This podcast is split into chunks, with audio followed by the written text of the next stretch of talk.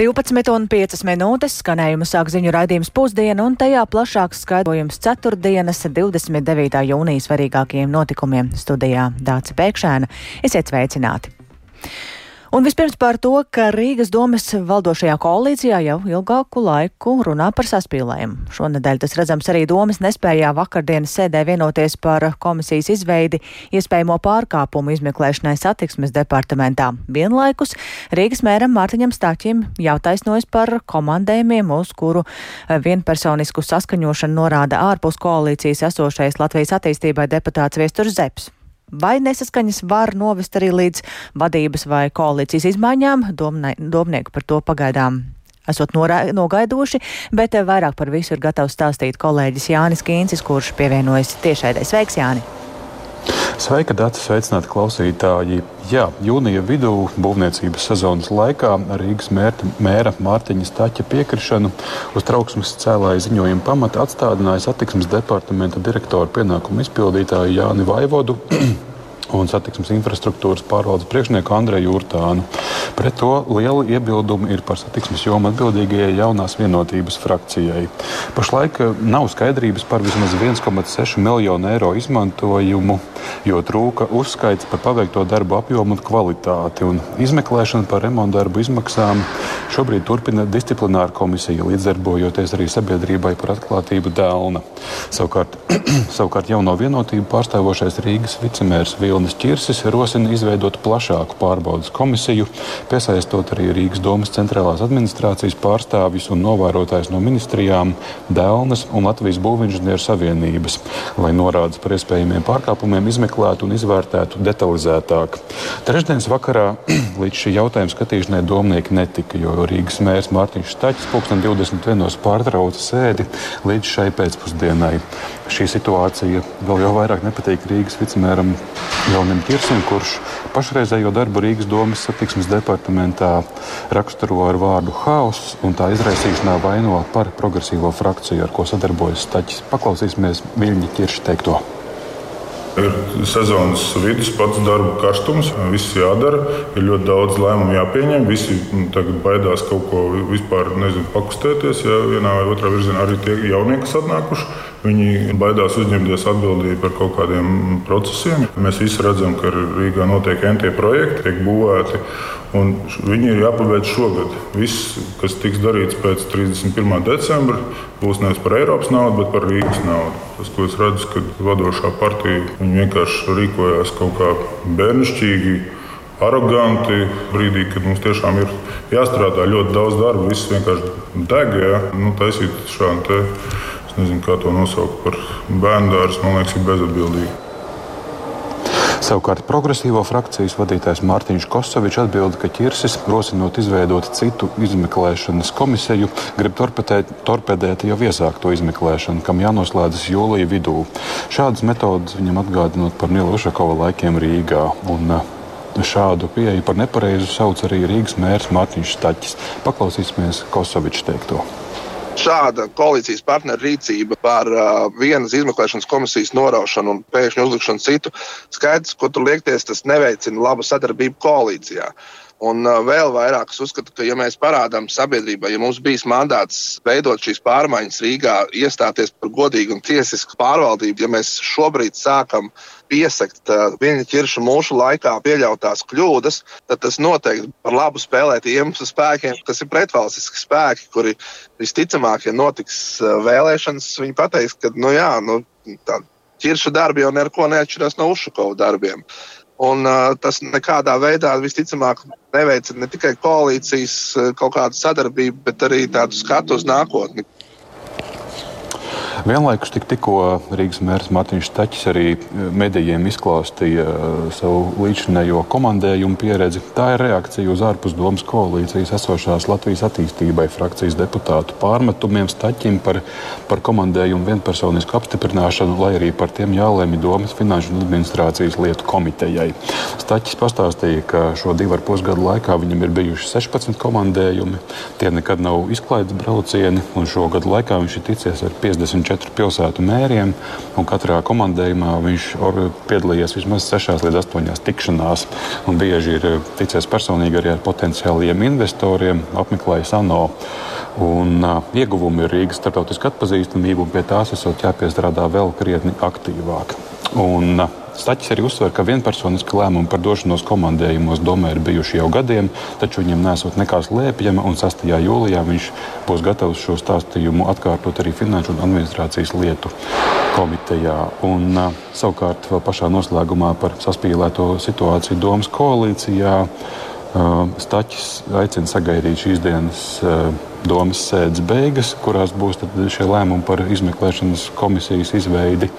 Un vēl viņš pieminēja, ka ar kādu pazā, paziņojumu viņš varētu nākt klajā nākamnedēļ.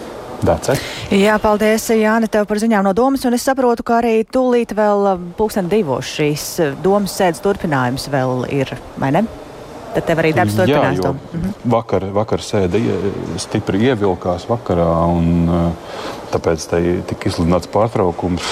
Tad, eh, vai būs kādi jauni argumenti šajā izklāstītajā situācijā un kādi pavērsieni, to dzirdēsim sēdē šo pēcpusdienu. Paldies Jānim Kīncim, gaidīsim no ziņas, ziņas no tevis arī redījumā pēcpusdiena. Bet nemaz ar tik sen tieši pasaules hokeja čempionāts un mūsu hokeistu gūtie panākumi bija tie, kuri sagādāja milzam daudz pozitīvu emociju, kas pāršauc visu Latviju, taču tagad daļai bērnu, kuri būtu gatavi būt tie nākamie hokeisti un cīnīties par panākumiem, varētu būt liekta tāda iespēja spēlēt hokeju, vismaz savā pašvaldībā. Tāpēc eh, jauno hokeistu vecāku šodien piedalījās piketā pret hokeja programmas slēgšanu Jūrmalas sporta skolā. Kāpēc hokeja programmu grib slēgt un kā to skaidro iesaistītās puses, plašāk ir gatava skaidrot kolēģi Agnija Lazdeņa, kura nu pat ir atgriezusies no Jūrmalas un šobrīd jau ir man līdzās studijās. Sveika, Agnija! Jā, izstāsta, kā tad šī situācija vispār ir radusies. Labdien! Tātad jūnija sākumā Jūrmalas domas izglītības komitejā pieņēma lēmumu par Jūrmalas sporta skolas hokeja programmas slēgšanu, un kā iemeslu doma esot minējusi, ka ledus laukumu noma hokeja programmu nodrošināšanai sporta skolai izmaksājot aptuveni 106 tūkstošus eiro gadā, savukārt žāvētavas noma maksā nedaudz vairāk nekā 3000 eiro. Un savukārt sporta skolas aprēķina liecina, ka hokeja apmācība vienam bērnam pašvaldībai izmaksā izmaksā 183,90 eiro mēnesī.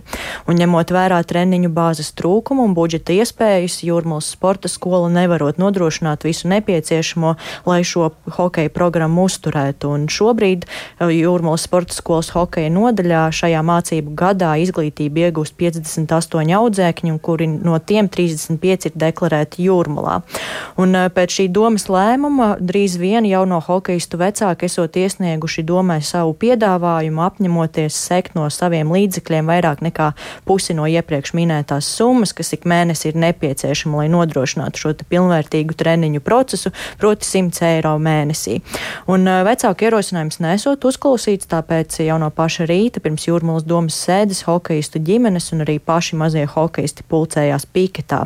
Un kamēr mazie hokeisti pie turpat pie domas ēkas spēlēja hokeju, tikmēr viņu ģimenes stāvēja pavisam netālu ar plakātu ieročiem rokās, lai cīnītos par to, ka viņu bērniem ir iespēja turpināt jūrmalā spēlēt hokeju. Un aprunājoties ar visiem, kas tur bija atnākuši, viņi atzīst, ka jūtas ļoti nesadzirdēti, tāpat arī, protams, ir sarūktināti par situāciju un lielā neizpratnē.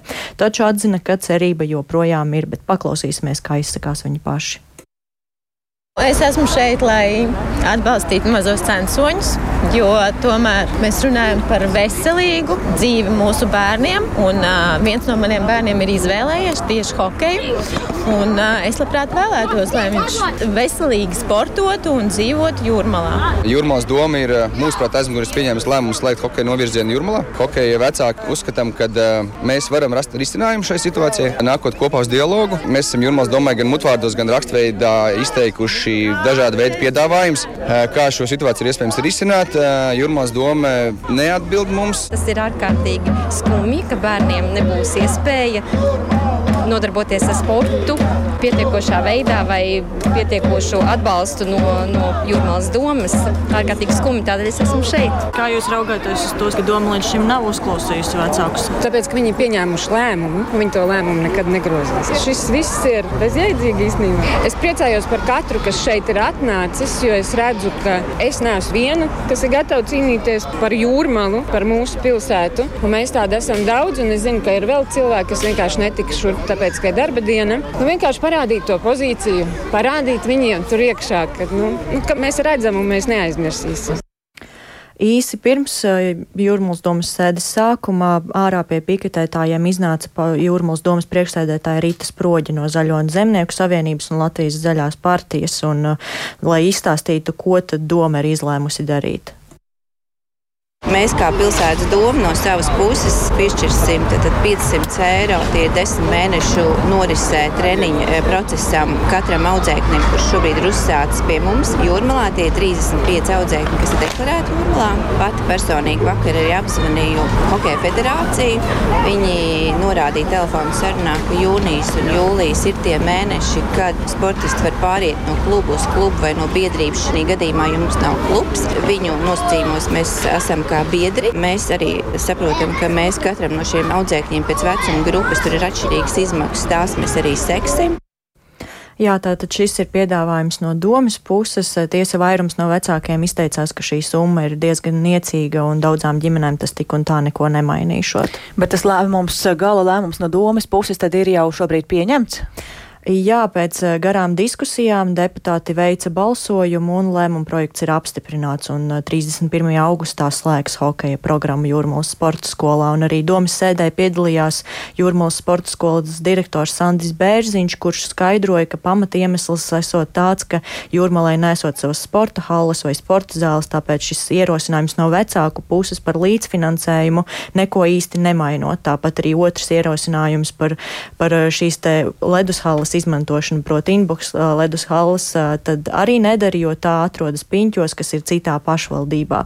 Un tāpēc arī ir lemts par šo līdzfinansējumu no jūrmulas domas, proti 50 eiro mēnesī visiem šī brīža jūrmulas sporta skolas audzēkņiem, kas mācījās šajā hokeja programmā un kas arī ir deklarēti jūrmalā.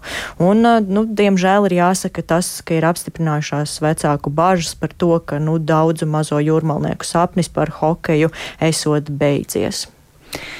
Paldies Agnijai Lazdeņai tik tālu par notikumiem Jūrmās pašvaldībā, un tātad Jūrmās domas deputāti ir lēmuši slēgt hokeja programmu Jūrmās sporta skolā.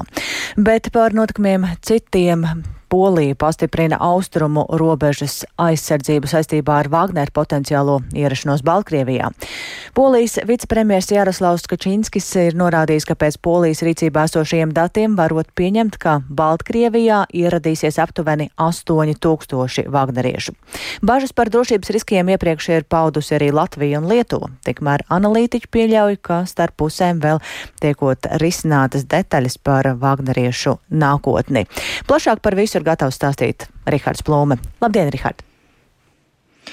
Jā, labdien! Kā ir vēstījis poļu izdevums Vprost, polijas vicepremjeras Jaroslavs Kačinskis pēc Nacionālās drošības un aizsardzības komitejas sēdes ir paziņojis, ka saistībā ar potenciālo Vagneriešu ierašanos Baltkrievijā Polija ir lēmusi pastiprināt robežas aizsardzību, un tas attiecas gan uz tur pastāvīgi esošo spēku palielināšanu, gan uz dažādu šķēršļu un nocietinājumu skaita pieaugumu, kam uh, uzbrukuma gadījumā vajadzētu tad arī aizsargāt robežu.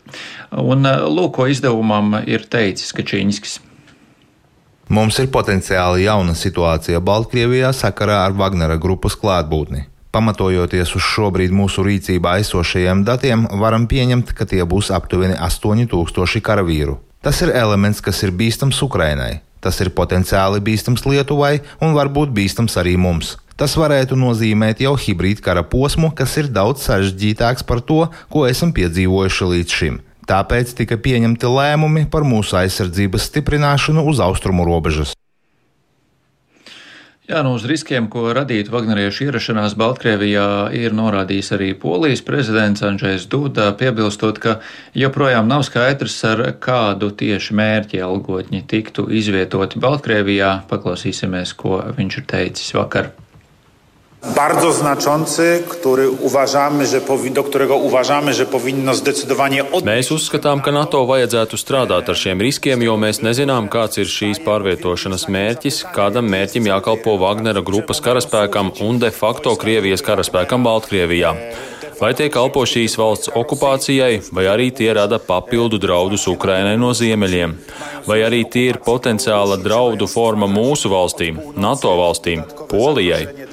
Ņemot vērā, ka vienlaikus Vladimirs Putins pilda savu solījumu par taktisko kodolieroču un raķešu ar kodolgalviņām pārvietošanu uz Baltkrievijas teritoriju, šie fakti ir tik nozīmīgi, ka mums nav šaubu, ka tie patiešām maina drošības arhitektūru mūsu reģionā, jo īpaši no Ziemeļatlantijas alianses viedokļa, kurai ir aizsardzības uzdevumi sargāt dalību valstu drošību. Vagneriešu potenciālā apmešanās Baltkrievijā ir izsaukusi runas arī par to, ka algotņi varētu mēģināt uzbrukt Kijevai, taču, kā Ukrainas prezidents Vladimirs Zelenskis uzskata, tad Vagner grupējuma pārcelšana uz Baltkrieviju nevar nopietni apdraudēt Ukrainu. Viņa prāt to Vagneriešu skaits, kuri pārcelsies uz Baltkrieviju, nebūšot liels. Savukārt Ukrainas armija uzskata, ka situācija valsts ziemeļos ir nemainīga un kontrolēta un iebrukuma atkārtošanās tādai nesot iespējama. ASV Donītas Karstudija institūts analītiķi savukārt norāda, ka spekulācijas par Wagner ierašanos Baltkrievijā liecina, ka daži vienošanās aspekti starp Krieviju, Baltkrieviju un grupējuma Wagner līderi Jevgeniju Prigožinu joprojām tiek izstrādāti. Un par to varētu liecināt arī izskanējušās ziņas, ka Prigožina lidmašīna šonadēļ bija lidojusi uz Sanktpēterburgu. Analītiķi arī norāda uz ziņām, ka Baltkrievijas teritorijā varētu būt sākusies jauna militārā objekta celtniecība, iespējams Vāgneriešu nometne, taču skaidrības par to pagaidām precīzas nav. Dace. Paldies Rihardam Plūmēm par šo skaidrojumu. Savukārt turpinot par situāciju frontē Ukrainā, Ukrainas armijas pretuzbrukums kļūst arvien plašāks, taču galvenie aizsardzības spēki kaujās vēl nav iesaistīti. Tā šorīt programmā Labrīt kolēģiem Martai Skujai un Laurim Zvejniekam sacīja Nacionālo bruņoto spēku zemesardzes štāba virsnieks majors Jānis Slaidiņš, norādot, ka Krievijā notikušais militārā dumpja mēģinājums nav būtiski mainījis notikumus Ukrainas frontē, jo brīdis bija īss un Krievijas spēki Ukrainā netika mazināti. Tāpat Slaidiņš uzskata, ka Krievija turpinās šantažēt ar kodolieroču pielietošanu, taču Rietumvalstīs daudz uzskata, ka tā tos neizmantos. Tomēr ir jautājums par Zaporīžas atomelektrostaciju, kas ir plaši mīnēta. Pēc pieejamās informācijas šobrīd pieci energobloki atrodas augstajā režīmā. Tad darbojās viens. Un uh, lielākā problēma, ka var sākt trūkt ūdens desēšanai, kas var arī izraisīt katastrofu. Bet kā šobrīd Ukraiņiem sekmējās ar to uzdevumu veikšanu, lai varētu īstenot šo uzbrukumu daudz plašāk un jau vērienīgāk? Nu, redzam, ka jau kaujas notiek kreisajā krastā, pie Helsonas. Ukraiņas spēki ir ieņēmuši priekšstiltu pozīciju jau kreisajā krastā, un notiek aktīvas kaujas. Parādās informācija, ka ir vēl vairākās vietās Ukraiņas spēks šķērsojuši Dņepras upi. Tas nozīmē, ka uzbrukums jau tagad paliek plašāks nekā tas bija dažas dienas atpakaļ. Cik liela nozīme ir tam, ka vairs nav šo Wagneriešu? Informācija pēdējā liecina, ka Wagnerieši joprojām atrodas Ukraiņas teritorijā. Protams, 20 tūkstoši cilvēku trūkums tas frontē varētu justies, bet tas nav tik nozīmīgs, lai izšķirtu kaujas gaitu. Jā, bet šīs ziņas par to, ka Vāgnerieši varētu dislocēties Baltkrievijā, cik uh, lielas bažas tas var radīt uh, savukārt uzbrukumam no Baltkrievijas puses? Ja mēs paskatāmies gadu atpakaļ, Krievijas bruņoties spēki no Baltkrievijas uzsāka savu kustību Kijavas virzienā ar vismaz 45 tūkstošiem cilvēku ar kaujas tehniku. Jā, arī Baltkrievijā nonāks daži tūkstoši, kaut desmit tūkstoši vāgneniešu. Tas noteikti neradīs draudus Kijavai no ziemeļiem, no Baltkrievijas puses. Vēl par Krievijas karaspēku pašreizējo taktiku. Viņi dodas kādos pretuzbrukumos.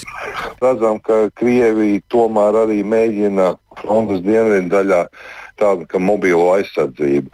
Un te parādās tas, ka aizsargāties viņi māk efektīvāk nekā uzbrukt. Un, protams, šādi pretuzbrukumi lokāli kavē Ukraiņas bruņoto spēku virzību uz priekšu, jāpieliek liels pūles, lai, protams, pārvarētu šo pretestību. Turklāt Ukraiņi pieturās pie jau sen pārbaudītās taktikas. Galvenais ir dot triecienus pa Krievijas artilērijas pozīcijām, apgādes centriem, munīcijas noliktavām. Un izskatās, ka arī triecieni pa Krimu šo tiltu iznīcināšanu ir būtiski kavējusi Krievijas spēku apgādi. Nu, izskatās, ka Ukraiņas spēki pašlaik pēc notikumiem frontē var redzēt, ka šie galvenie spēki vēl nav iesaistījušies. Jo īsti jau arī Ukraiņas spēki vēl nav sasnieguši galveno Krievijas aizsardzības līniju frontes dienvidos. Tā Nacionālo bruņoto spēku zemesardzes štāba virsnieks majors Jānis Slaidiņš. Un vēl programmā pusdiena runāsim par to, kāds liktenis ir piemeklējis Lācēnu, kas pirms pāris mēnešiem bez mātes klaiņoja gar alojas limbažu ceļu. Tā kā viņa māma neatgriezās un Lācēna dzīvība bija apdraudēta, dabas aizsardzības pārvalde izlēma to notvert un nogādāt Rīgas Nacionālajā zooloģiskajā dārzā, kur dzīvnieku turēja karantīnā, bet vēlāk ar lidmašīnu viņš nogādāts Francijā. Tagad par Lācēna likteni publiski izskan kritika, un man studijā šobrīd pievienojusies kolēģis Santa Adamsona. Adamsone, jāsveika Santa, un atgādini šo stāstu par Lācēnu, un kas vis, kā vispār viņš nonāca Francijā. Jā, labdien! Tātad īsumā pēc karantīnas tepat Rīgas zooloģiskajā dārzā Speciālisti nolēma nogādāt lācēnu patversmē, Francijā Latanjēra saucās patversme, jo šeit Latvijā nebija brīvu voljeru un arī nauda jauna, jauna tāda būvniecībai nebija. Un tad vēl pirms tam dabas aizsardzības pārvaldēja no trim vietām dažādās valstīs, no trim vietām dažādās valstīs izvēlējās kā piemērotāko šo jau manis minēto Francijā, jo tas ir bijis Lācēnam piemērots gan infrastruktūras, gan personāla, gan pieredzes ziņām. Tagad sociālos medijos par šo soli par šo zodāru patvērsmi izskan kritika. Piemēram, Facebookā dzīvnieku tiesību aizstāvju organizācijas, atsaucoties arī uz kāda franču mēdīja rakstu, norāda, ka pati lācēna pārvešana jau esot aizdomīga, bez atbilstoša certifikāta, arī personāls gala punktā esot nekompetents. Eh, sazinājos arī ar eh, biedrību Latvijas ainava valdes locekļa Astrīdu Noti. Eh, paklausīsimies, ko viņa secinājusi par šo situāciju. Tas, ko mēs redzam no video, tas jau pirmais, kad lācēns tiek uh, transportēts uh, tajā kastē. Zaudārs uh, pārstāvis, vai nu tas ir direktors vai atbildīgais speciālists, viņš stāv, sēž pie būra vienkārši no rokas, kā arī Francijas puse atzīmē pilnīgi neadekvāti, neatbilstoši baro lācēnu smukās šķēlīties griež un dod viņam caur šī būra spraugām ābolīšus. Ābolīšus šķēlīt. Ja? Un tas ir pilnīgi nepieņemams. Eh, Latvijas radio arī mēģināja sazināties ar um, zoodārzu Francijā, taču klausuli neviens nepacēla, atskanēja viena automatizēta atbilde par darba laiku un apmeklējumu nosacījumiem. Jāpiemina, ka dabas aizsardzības eh, pārvalde izvēlējusies šo zoodārzu paļaujoties uz Zinātniskā institūta citas atzinumiem. Tā ir organizācija, kas Francijā kontrolē aizsargājamo īpaņu pārvietošanu. Pārvalde šodien man arī norādīja, ka tā lūgusi šai organizācijai skaidrojumu, un šodien man ir arī ieplānota intervija ar dabas aizsardzības pārvaldi. Tad par to plašāk pastāstīšu pēcpusdienā. Dece? Jā, paldies, Santai Adamsonai. Gaidīsim, ko tev izdosies noskaidrot līdz raidījumam pēcpusdiena, un vēl arī raidījumā pēcpusdiena kolēģis Tāls Eipurs skaidrās plašāk par um, šodienas lēmumu. Satversmes tiesa šodien pasludina spriedumu lietā par bērnu dārza pedagoģu atalgojumu at, apmēru atbilstību satversmei. Un satversmes tiesā bija vērš, vērsušies 38 saimas deputāti, aicinot tad vērtēt, vai valsts pamatlikumam atbilst esošais regulējums attiecībā uz bērnu dārza pedagoģu atalgojumu, kas rēķinot uz vienu darba stundu ir par piekdaļu mazāks nekā citās izglītības iestādēs strādājošajiem pedagogiem. Tas tātad raidījumā pēcpusdiena, bet šobrīd izskan raidījums pusdiena. Producenta Ilza Agīnta ierakstus montēja Renārs Šteimanis par labskaņu rūpējās īveta zvejniece, bet ar jums sarunājās Dāce Pēkšēna. Mūsu raidījums arī raidierakstu platformās un arī Latvijas radio mobilajā lietotnē. ēterā mēs tiekamies atkal rīt.